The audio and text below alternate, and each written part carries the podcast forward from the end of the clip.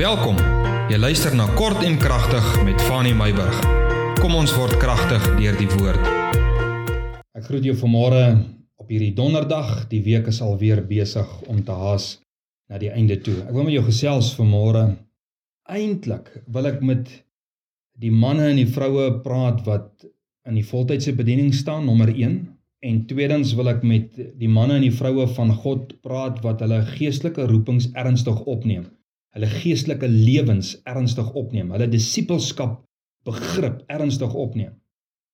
Nou ek bedoel jy wat nie 'n Sondag of troue of begrafnis of Kersfees Christen is nie, maar 'n toegewyde Christen is. Ek praat met jou wat nie weet jy's 'n Christen en Sondag aand jou Christendom afsluit en dan begin jy weer vir die volgende 6 dae te lewe soos wat jy lewe nie. Ek praat van die mense wat hulle geestelike lewe ernstig opneem, wat nie speel met hulle roeping nie. Ek het eendag klaar gemaak vir 'n boodskap wat ek by 'n sekere geleentheid moes bring en terwyl ek die oggend besig was om klaar te maak, toe maak die Heilige Gees iets so duidelik aan my bekend op daardie oomblik. Dit is 'n inspraak wat 'n oomblik kom, 'n herinnering van die woord. Want die Here sê hy bring in herinnering Wanneer die Heilige Gees gaan kom, want die Heilige Gees het gekom en ons is vervul met die Gees van God, die wat vervul is met die Gees van God. Die Heilige Gees kom en hy bring in herinnering die woorde wat Jesus Christus gespreek het en wat in die woord staan wat ons gelees het op daardie oomblik toe maak die Here iets aan my bekend. En ek glo dit was vir daardie geleentheid geweldig van toepassing en dit is hoe ek dit ervaar. Dit was vir my geweldig rigting aangewend, maar dat dit ook van toepassing is vir elkeen wat draers van die evangelie van Jesus Christus is. Wat die gees van die Here op daardie oomblik met my gedeel het, was die volgende. Net hierdie woorde: Wanneer jy voor 'n gehoor staan, staan jy as 'n skaap tussen die wolwe en as profeet in 'n vallei vol dooie beende. Esegiel 34 vers 22 Ek wil jou graag aanmoedig, lees die hele Esegiel 34 en dan die volgende skrif is die hele Esegiel 37. Laat dit vir jou rigting aangewend wees. Ek gaan net vir jou vers 22 van Esegiel 34 lees. Daarom sal ek my skape red, sê die Here, sodat hulle nie meer 'n prooi sal wees nie en ek sal oordeel tussen skape en skape. Net vers 22 vir nou. Jesegiel 37 vers 4 tot 5. Daarop sê hy vir my: "Profeteer oor hierdie bene en sê vir hulle: Dorbene, hoor die woord van die Here. So spreek die Here, Here, tot hierdie bene. Kyk, ek bring gees in julle in sodat julle lewendig kan word." Hierdie inspraak het my dadelik voorberei vir wat my taak was daardie oggend. Die taak was meer as net 'n preek of afhandeling van 'n sekere taak waarvoor ek geroep is. Maar dat daar in die geesteswêreld wolwe is wat die kind van God as prooi sien om te verslind. Om verwarring te saai in die harte van mense. Dit is wat gebeur wanneer 'n wolf tussen die skape ingaan, kind van die Here. Dis wat gebeur hier in Suid-Afrika wat ons dalk beter verstaan wanneer die jakkalse in die skaapkrale, die bokkrale, die beeskrale, die hoenderhokke ingaan. Dis om verwarring te saai. In die gees is dit om verwarring te saai in die hart van mense, om vrede te verjaag, om paniek en vrees te saai, om 'n beeld van moedeloosheid voor te hou. Jy's in my mag. Ek gaan jou vang, gaan jou doodmaak, om angs op te wek, om mense geestelik dood te maak. Dis die geestelike beeld. Maar ook dat daar wolwe is wat hulle self sal vermom as skape.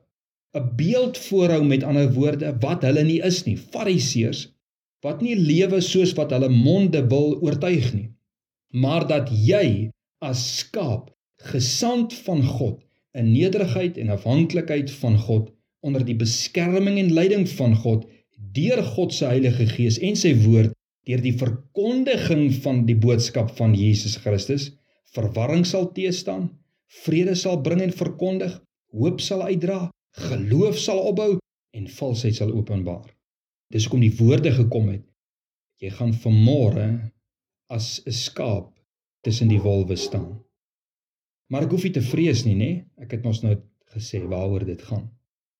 maar ook dat jy as profeet Esegiel 37 die geestelike doodsheid sal besef wat in mense harte heers 'n doodsheid wat 'n potensiële magtige weermag van God lam laat lê en in geloof in die gees 'n oproep sal maak na die lewegewer gees van God om te kom oor die geestelike verval en doodsheid van die mensdom en in geloof 'n kreet sal aanhef oor die doodsheid om te sê dorbene hoor die woord van die Here kyk ek bring gees in julle in sodat julle lewendig kan word.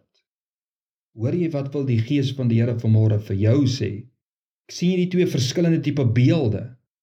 Die een is 'n beeld van skape. 'n Wolf kom tussen die skape in. En Jesus sê ek stuur julle, praat sy disippels, die apostels. Jesus sê vir hulle ek stuur julle so skape tussen die wolwe in.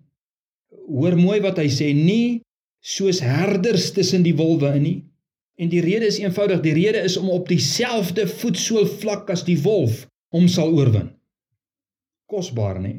Nie as herder nie, as skaap stap jy in op dieselfde voetsool vlak. Vandag gaan die vyand oorwin word op voetsool vlak.